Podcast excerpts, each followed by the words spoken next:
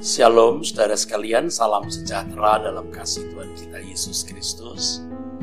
Jemaat yang dikasih Tuhan, jemaat gereja suara kebenaran Injil khususnya dan semua pecinta suara kebenaran yang mengikuti pemberitaan firman Tuhan ini. Saudara, Tuhan berkata dalam Yohanes pasal 14 ayat 1 sampai 3 satu kata yang saya mau ajak Bapak Ibu Saudara memperhatikan kalimat gelisah.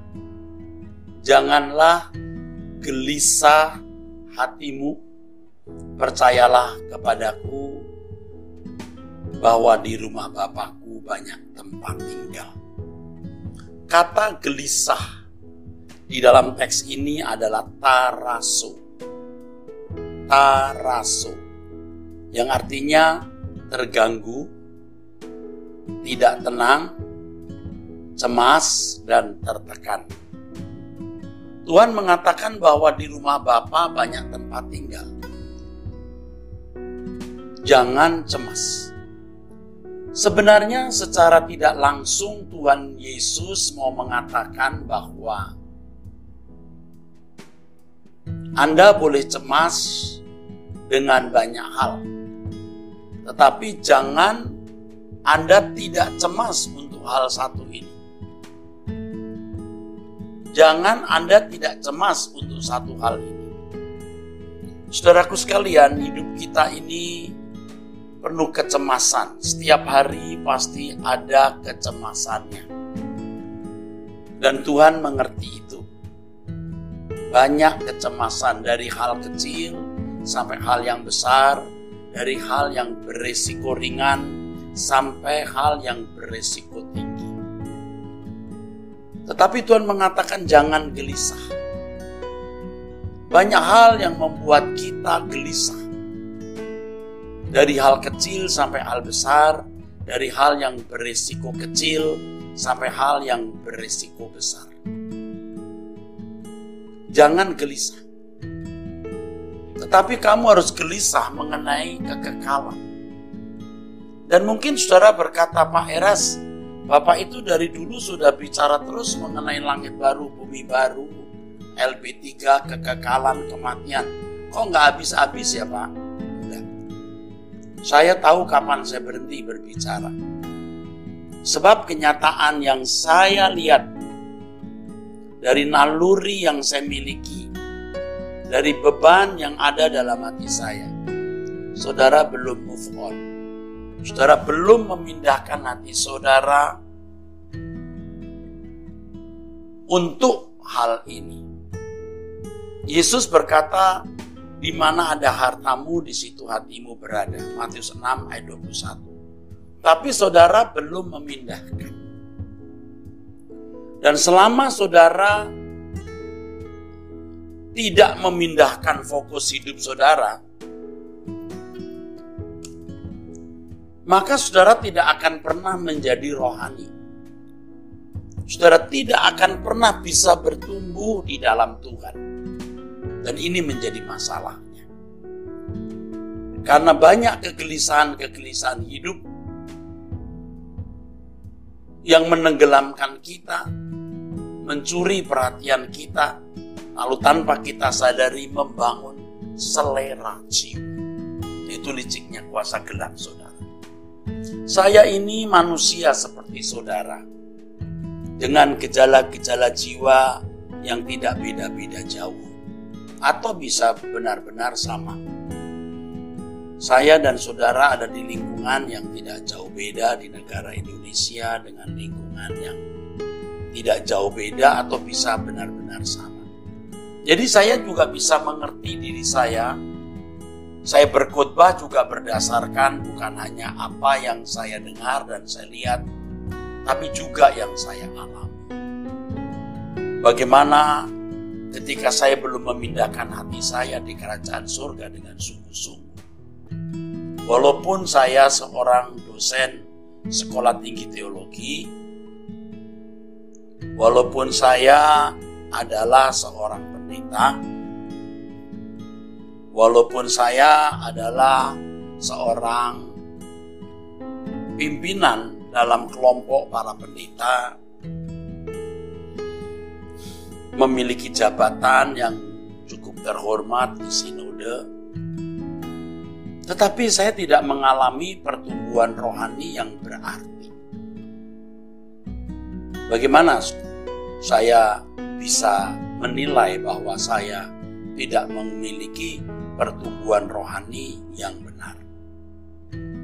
Saudara, tentu saya bisa membedakan antara saya Erastus hari ini dengan Erastus 20 tahun yang lalu, 15 tahun yang lalu, 10 tahun yang lalu, 5 tahun yang lalu, 3 tahun yang lalu, 2 tahun yang lalu, setahun yang lalu, dan Erastus hari ini. Dan ternyata memang susah dijelaskan kepada orang yang tidak mengalaminya. Jadi ketika saya belum sungguh-sungguh memindahkan hati saya di sorga, ibarat air itu buta. Saya tidak jernih melihat hidup saya sendiri. Ya hari ini bukan berarti sudah jernih 100%. Ya tentu saja belum ya. Tapi jauh kita lebih mengenal diri kita. Ya, kemunafikan-kemunafikan kita yang kecil, yang terselubung, ketidaktulusan, kebencian, dendam-dendam yang terselubung, tersimpan, mengendap di dalam hati. Itu tidak kita kenali dengan baik. Tentu secara teori kita berkata, Oh saya tidak dendam, oh saya mengampuni. Tetapi sebenarnya masih keruh. Keinginan kita untuk memiliki sejumlah uang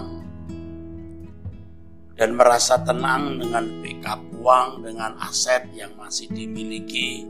Lalu kadang-kadang kita menghitung kira-kira berapa ya aset hidup saya secara materi.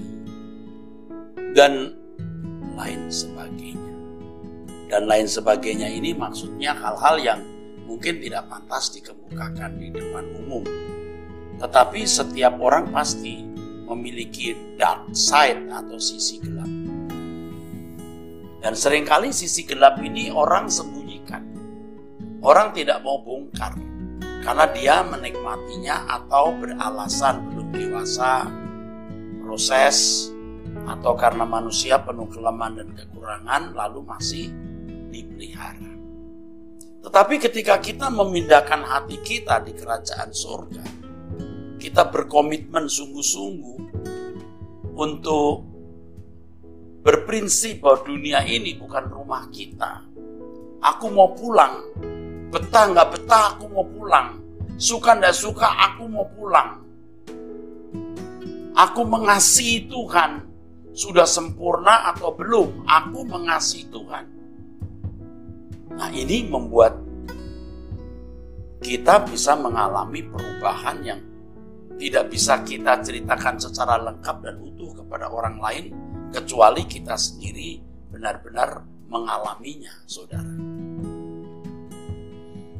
Nah, iblis itu mau membuat kita gelisah untuk banyak hal yang tidak perlu kita gelisah sehingga fokus kita menjadi bias, tidak tertuju ke langit baru, bumi baru. Jangan gelisah hatimu, di rumah Bapakku banyak tempat tinggal. Artinya kamu harus merasa tenang untuk hal ini. Yang lain jangan menjadi masalah, tapi yang satu ini kamu harus benar-benar serius mempersoalkan atau mempercakapkannya.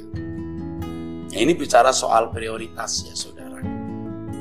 Nah ini saya bicara dulu untuk contoh yang lain baru saya akan kembali tadi. Kalau saudara misalnya didiagnosis sakit kanker stadium 4. Saudara banyak masalah bukan? Tetapi masalah yang satu ini stadium 4 kanker ini pasti akan menyita saudara. Ada yang berhenti bekerja, ada yang menyerahkan perusahaan kepada keluarga, mulai membuat jadwal pergi ke rumah sakit, ke luar negeri, jadwal makan apa yang sehat, jadwal olahraga demi kesembuhan dari kanker stadium akhir ini. Itu prioritas namanya. Nah banyak hal yang bisa menggelisahkan kita. Sehingga prioritas kita tidak kepada Tuhan dan kerajaannya, tapi kepada yang lain. Nah saudara, rata-rata pada umumnya masih begitu. Kok Peres tahu? Ya tadi sudah saya katakan saya punya naluri saudara. Kan kalau ibarat membuat skripsi itu ada yang namanya objek penelitian. Ya, ada angket secara random. Saya kan jumpai orang-orang di sekitar saya, baik itu aktivis maupun jemaat. Kesimpulannya, belum move on. Nah, selama Anda belum move on ini loh, saudaraku, saudara pasti akan terikat dengan banyak hal di dunia ini. Dan saya tahu memang ini sulit sekali, saudara. Hmm, ini sangat tergantung kepada kehendak bebas masing-masing individu. Nah kembali yang tadi saya kemukakan, siapa saya 15 tahun yang lalu, 10 tahun yang lalu, 5 tahun yang lalu, 3 tahun yang lalu, 2 tahun yang lalu, setahun yang lalu, dan saya hari ini, itu beda.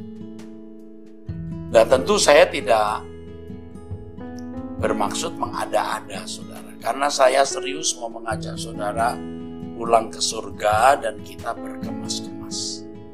Saudara, Jangan tidak nurut apa yang saya katakan ini. Saudara akan menyesal nanti. Ya, saudara akan menyesal. Jangan saudara percaya dunia sekitarmu. Jangan percaya apa yang kau lihat, kau dengar di sekitarmu. Percayalah kepada firman Tuhan dan saya sebagai juru bicara Tuhan menyampaikan firman seperti ini. Saudaraku. Ya.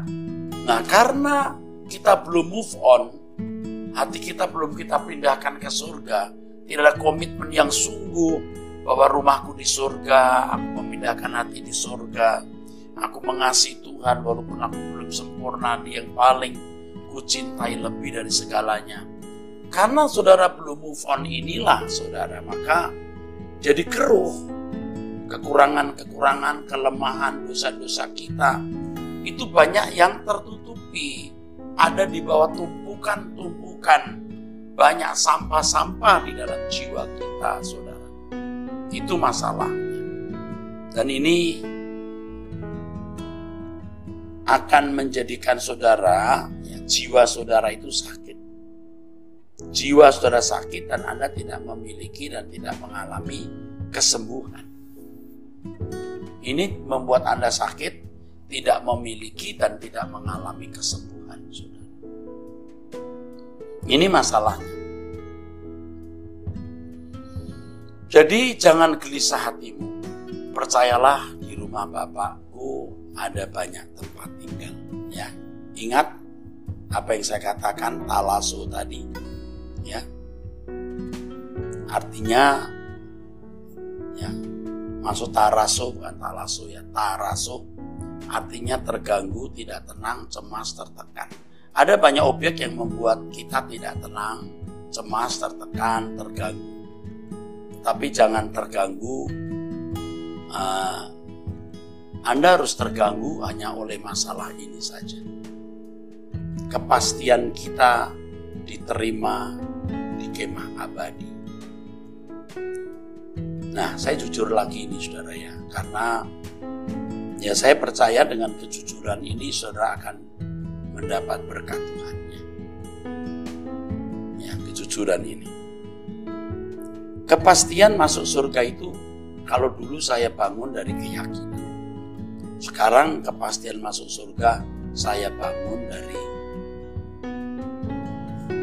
pemahaman dari pengalaman hidup, pemahaman dari pengalaman hidup, pemahaman dari kenyataan yang saya alami bersama dengan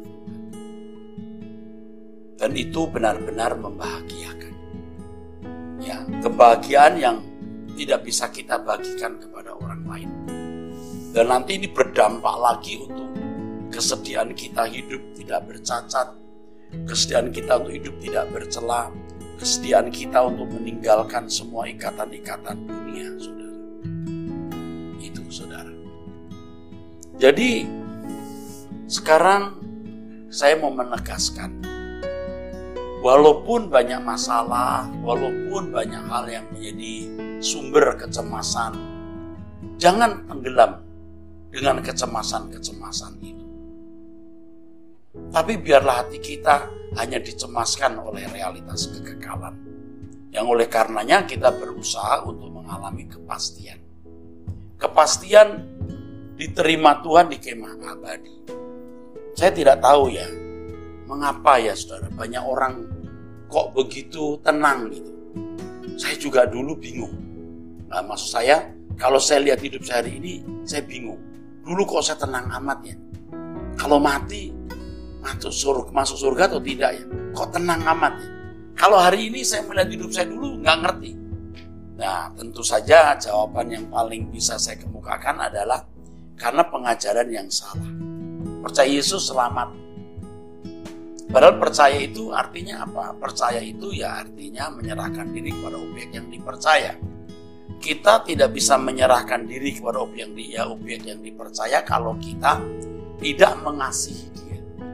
Kalau kita tidak mengasihi Tuhan, kita pasti tidak menghormati Tuhan.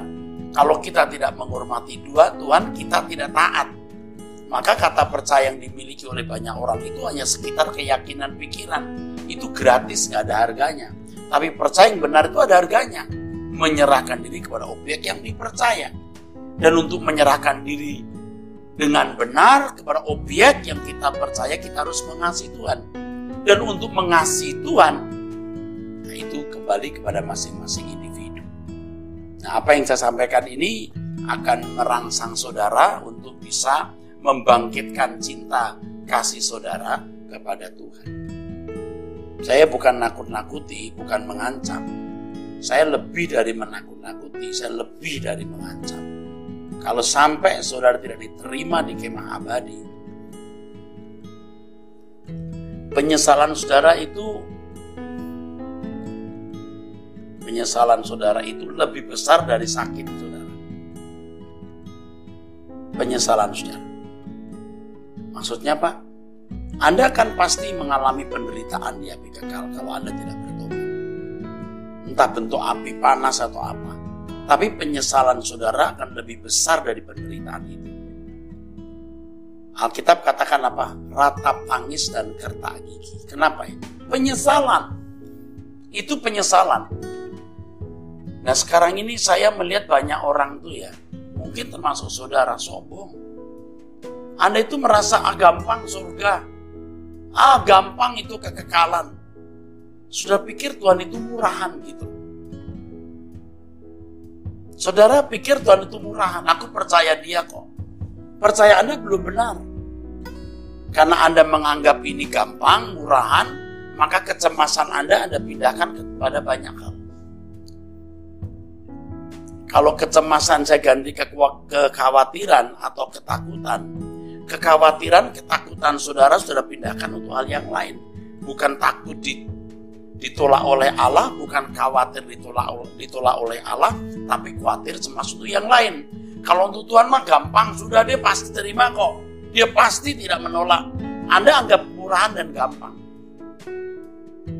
Aduh saudara, jangankan saudara, saya sekarang saja masih ada kegentaran ini. Tapi saya bersyukur ya makin membenahi diri, makin bersih ya. Ibarat air itu makin jernih gitu ya.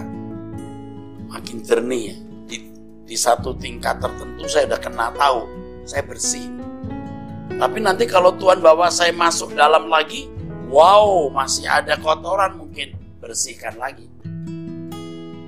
Udah bersih, turun lagi. Wow, masih ada. Di obok-obok begitu tuh masih keluar. Nah, sampai tingkat tertentu saya tahu di mana kekurangan kelemahan saya. Saya harus tahu kelemahan kekurangan saya. Saya harus tahu dan saya menanggulanginya. Nah, ini yang kita takutkan. Bagaimana aku berkenan kepadanya seperti yang dikatakan Paulus dalam 2 Korintus 5 ayat 9 dan 10. Aku berusaha baik aku diam dalam tubuh ini maupun di luarnya supaya berkenan. Anda tahu nggak di balik itu ada kecemasan? Oh nggak ditulis? Oh enggak, tapi itu ada kecemasan, ada ketakutan yang positif. Maka ia berusaha untuk berkenan. Sama seperti kalau seorang anak, dia tidak peduli lulus atau nggak lulus sekolah. Dia nggak belajar. Tapi kalau ada anak sampai giat begitu rupa, ya itu karena dia takut tidak naik kelas. Orang tuanya mengajak makan bersama, ya. Orang tuanya mengajak makan bersama. Ayo, Fit, kita makan. Itu tantemu dari Surabaya datang. Enggak, mam, aku udah ikut. Ayolah, mau mamamu, tantemu gak tiap hari datang kok. Mam, besok aku ulangan. Loh, aku kan lihat kamu udah belajar kemarin. Aku udah siap betul loh, Mam. Ya masih 75-80% lah siapnya. Ah, cukup lah itu. Wah nggak mau, Mam. Aku nggak mau kalau nggak dapat nilai bagus. Wah, kamu itu kok takut sih kamu? Ulangan juga bisa tiap hari kan? Atau tiap kali. Mam, ini mempengaruhi nilai akumulasi atau nilai keseluruhan nanti, Mam. Tuh, satu kali dari empat kali, tiga kali ulangan dia takut. Dia serius. Tapi sebaliknya kalau orang tidak takut, tiga kali ulangan, dua jeblok, nggak apa-apa. Mudah-mudahan yang terakhir saya tidak jeblok. Nah ini saudara ngerti nggak? Nah banyak orang itu lebih takut miskin, lebih takut tidak terhormat, daripada ditolak Allah. Dan saya sudah lihat banget orang begitu sembarangan. Aduh, sembarangan jahatnya, pelitnya, kejamnya, bengisnya. Waduh, sembarangan buka mulut. Kalau sekarang nggak pakai mulut, pakai jari dalam bentuk WhatsApp, message dan lain sebagainya di media sosial. Kita sudah bisa baca ini sembarangan ini orang. Tapi ya kita enggak nggak usah terganggu lah ya biar saja masing-masing orangnya kan orang masing-masing juga punya kebebasan sudah ya kalau orang takut maksud saya kalau mahasiswa atau siswa takut nilainya buruk ya biarpun diajak makan-makan favoritnya dia tidak pergi tetap dia memilih belajar nah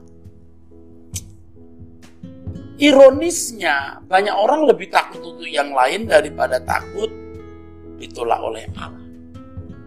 Itulah sebabnya Yesus berkata di Lukas 12 ayat 32, Janganlah takut hai kamu kawalan kecil karena Bapamu telah berkenan memberikan kamu kerajaan itu. Jangan takut hai kawalan kecil. Nah ini, tuh ini di balik ini juga Tuhan juga mau mengatakan bahwa untuk yang lain tidak perlu takut, tapi untuk yang satu ini kamu harus takut.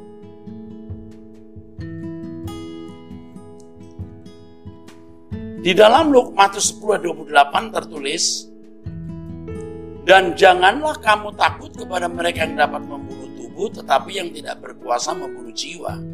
Takutlah terutama kepada dia yang berkuasa membinasakan baik jiwa maupun tubuh di dalam neraka. Lukas 12 ayat 4 sama. Aku berkata kepadamu hai sahabat-sahabatku, janganlah kamu takut terhadap mereka yang dapat membunuh tubuh dan kemudian tidak dapat berbuat apa-apa lagi. Aduh saudaraku, kalau saya suka merenung ya, aduh ini jemaat sudah banyak sekali, sudah belasan ribu ya. Lalu pendengarnya juga bisa puluhan ribu ya.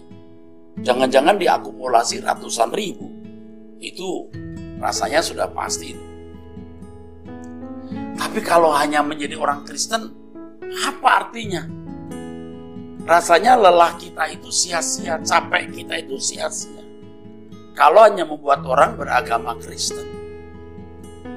Dengan pandemi COVID-19 ini kita merenung kembali pelayanan kita, lalu sempat muncul perkataan begini, ya sudahlah akhirnya yang mau ikut berkemas-kemas, ayo, yang nggak ikut udah nggak usah masuk anggota gereja ini.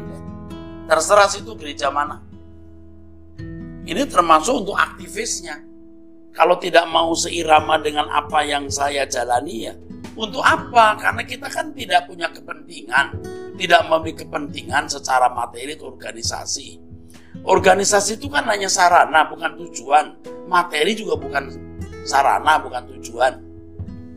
Sarana eh, bukan tujuan. Materi itu hanya sarana dan materi. Sarana bukan tujuan. Organisasi hanya sarana bukan tujuan. Tujuan kita itu Tuhan dan kerajaannya. Jadi kalau saudara-saudara cuma mau aktif dalam kegiatan, seneng deh ya dalam kegiatan ya. Senang deh. Apalagi punya pendeta baik, punya gembala sidang baik, ada komunitas yang baik. Oh, enjoy life. Enjoy daripada di luar sana komunitasnya jahat-jahat ya tidak mesra-mesra. Tujuannya apa? Tujuannya apa? Nah ini juga firman ini bukan hanya untuk jemaat tapi juga untuk aktivis. Untuk apa Anda ke gereja berorganisasi? Untuk apa? Saudaraku.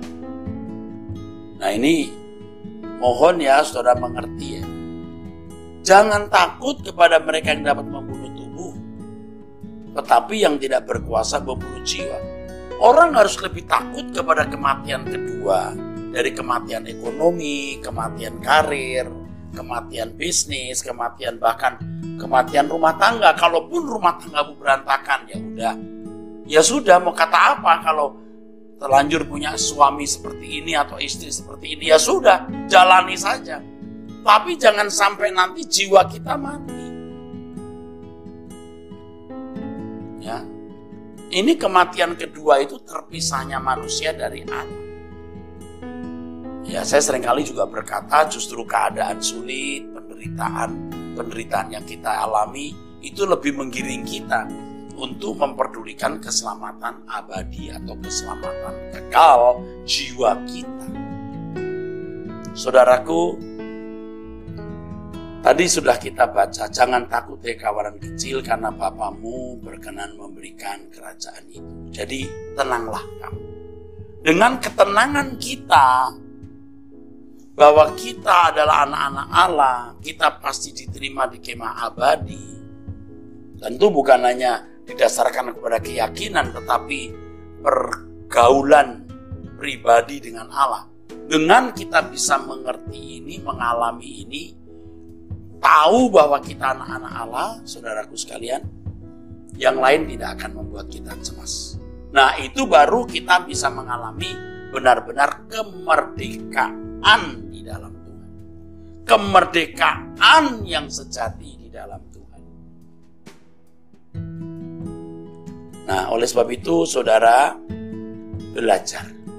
Tidak mudah, tapi bisa kita capai. Dengan kita takut ditolak oleh Allah, artinya dengan kita mau berkenan kepada Tuhan, kita baru bisa sungguh-sungguh menghormati Tuhan dengan benar. Atau sebaliknya, kita merangsang hormat kita kepada Tuhan. Taat atau kesediaan taat kita kepada Tuhan karena kita mengasihi Dia. 2 Korintus pasal 5 yang tadi telah saya singgung saudaraku sekalian, ayat yang ke-9 dan 10 yang mengatakan aku berusaha baik aku diam dalam tubuh ini maupun di luarnya supaya aku berkenan kepadanya. Ayat itu didahului dari pasal yang keempat. Pasal yang keempat, 2 Korintus pasal 4. Paulus mengatakan ini, Sebab kami tidak tawar hati, tetapi meskipun manusia lahiriah kami semakin merosot, namun manusia batinnya kami dibarui dari sehari ke sehari. Lihat fokusnya. Bagaimana dia melihat manusia batinnya. Itu berarti uh, akuarium jiwa kita itu jernih. Ya. Dia lebih memperhatikan manusia batinnya. Lalu, sebab penderitaan ringan yang kami yang sekarang ini mengerjakan baik kami kemuliaan kekal yang melebihi segala-galanya jauh lebih besar daripada penderitaan kami. Ya. Lalu ayat berikutnya, sebab kami tidak memperhatikan yang kelihatan, melainkan yang tak kelihatan, karena yang kelihatan adalah sementara, sedangkan yang tak kelihatan adalah kekal. Lihat, manusia batinnya pasti terkait dengan pengharapan kekekalan kita. Lalu, nah, luar biasa, ayat berikutnya, karena kami tahu bahwa jika kami, jika kemah tempat kami ini di bumi dibongkar, Allah telah menyediakan suatu tempat kediaman di surga bagi kita, suatu tempat kediaman yang kekal yang tidak dibuat oleh tangan manusia. Lalu baru kita baca ayat-ayat berikutnya sampai pada ini. Ayat 9 dan 10. Sebab, sebab itu juga kami berusaha baik kami diam di dalam tubuh ini maupun di luarnya supaya kami berkenan. Rata-rata nih saudara ya, rata-rata itu manusia termasuk jemaat dan orang-orang yang hidup ya, di sekitar kita itu rata-rata fokusnya masih dunia. Fokusnya masih dunia. Fokusnya belum kerajaan surga. Yang tadi saya katakan belum move on. Jadi ayat-ayat ini tidak akan bisa dia mengerti. Mungkin sudah berkata, ya Pak kita kan bukan pendeta seperti Bapak. Loh, ini ini bukan untuk pendeta saja. Pendeta maupun jemaat itu sama saja saudara, sama saja. Hanya panggilannya beda. Yang satu jadi pedagang, yang satu jadi praktisi hukum, tenaga pendidikan atau medis, yang satu nah jadi pendeta atau aktivis gereja. Nah, saya melihat banyak orang itu sebenarnya belum move on itu. Kelihatan sekali. Jadi surga itu dianggap gampang, sudah selesai ya. Sudah selesai itu surga, sudah selesai. Gampang itu masuk surga. Aduh, itu juga karena pengajaran orang nih, saudara. Yang mengajarkan, pokoknya kalau you percaya, kamu percaya, kamu selamat. Percaya itu menyerahkan diri kepada objek yang dipercayai, bro. Dan untuk bisa mempercayai seseorang atau menyerahkan diri kepada objek yang kita percaya, seseorang itu harus mengasihi orang itu bro. Mengasihi itu membuat kita bisa mentaati dia dengan sungguh, dengan baik, menghormati secara patut. Kalau orang sudah terlanjur ruangan hatinya disediakan untuk dunia, mencintai dunia, dia nggak akan punya ruangan yang tepat untuk itu. Tidak tidak akan punya ruangan yang cukup untuk mencintai Tuhan sampai tidak pernah mencintai Tuhan dan kalau orang tidak mencintai Tuhan, tidak mungkin mengalami pembaruan hidup. Tidak mungkin. Dan banyak orang diam-diam itu lagi digiring terus dalam suasana percintaan dunia. Tidak move on. Nggak mau memilih kerajaan surga. Tidak mau memilih mencintai Tuhan lebih dari yang lain. Tidak pernah memindahkan hatinya di kerajaan surga. Wah, diparkir di dunia, saudara. Nanti kalau tutup mata, penyesalanmu lebih menyakitkan atau lebih sakit dibanding dengan penderitaan itu. Penyesalanmu itu. Ini yang saya ngomong ini benar. Saya tidak tahu mau pakai bahasa apa lagi. Rata-rata jemaat itu rata-rata. Bahkan sebagian aktivis itu rata-rata. Belum memindahkan hati di kerajaan surga. Maka lihat bagaimana orang itu masih hitungan pelit terhadap waktu tenaga, apalagi uang. Orang bisa beli barang ya, entah itu mobil, entah itu motor, entah itu sepeda, ratusan juta. Tapi itu pekerjaan Tuhan, tidak sampai ratusan. Puluhan juga kadang-kadang enggak. Masa duitmu nanti habis di rumah sakit. Hidupmu habis nanti untuk kecelakaan di jalan. Uangmu habis untuk kecelakaan, uangmu habis untuk rumah sakit, uangmu habis untuk kebanjiran, kebakaran, dan berbagai bencana lain. Oh, saya tidak mendoakan saudara mengalami itu. Fakta itu sudah saya lihat dalam kehidupan. Nanti masalah hukum, kamu urusan polisi, kamu urusan hukum, kamu harus keluar duit gara-gara itu.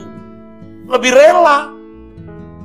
Kenapa Anda nggak lebih rela untuk mencari Tuhan? Sediakan waktu belajar firman Tuhan, sediakan waktu mengambil bagian dalam pelayanan, lalu menyisihkan bukan menyisakan uang saudara untuk pekerjaan Tuhan.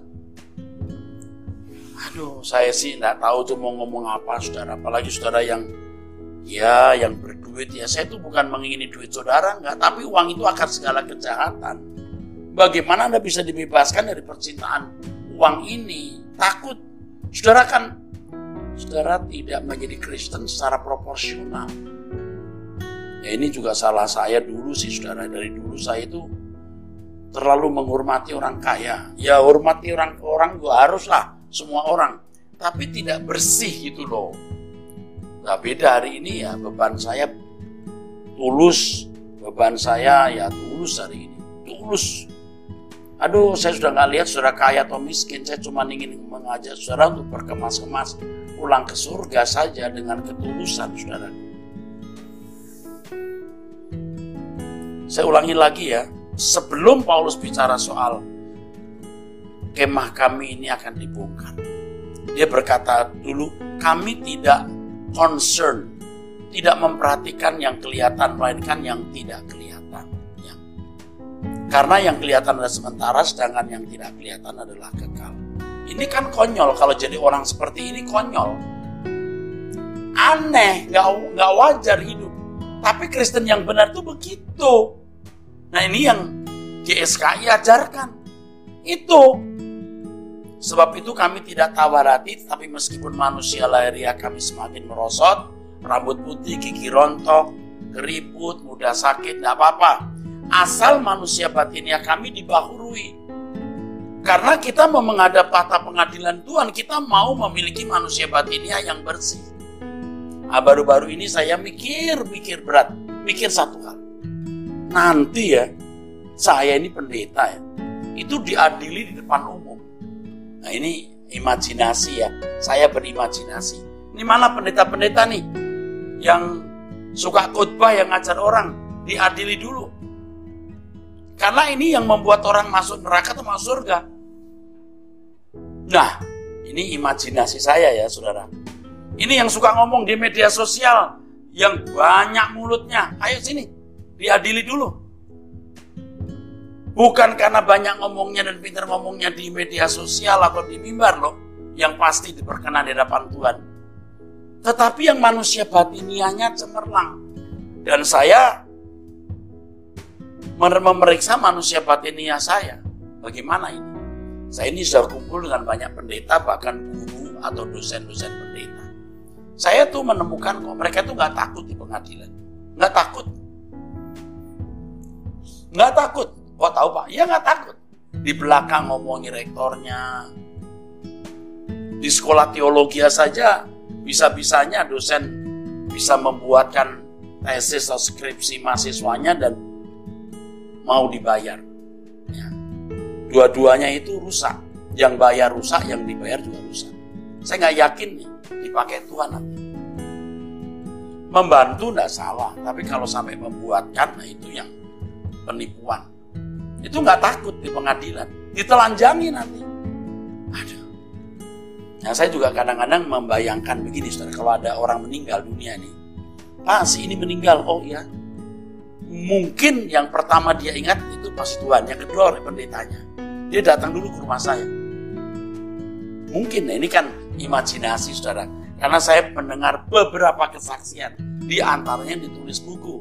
Jadi pada waktu rohnya dia melayang, dia mencoba bilang sama dokter, dok, dok, kau saya ke atas ya, dok, dok. Dokter di, diraba tapi nggak bisa nyambung. Ini beberapa kesak, uh, tulisan khususnya uh, buku yang ditulis oleh Moody. Nah, dia, saya juga pernah mendengar kesaksian secara langsung. Jadi ketika dia terangkat lalu tiba-tiba dia sampai di rumah, papanya sedang angkat telepon. Mendengar berita tentang dirinya ini anak yang meninggal.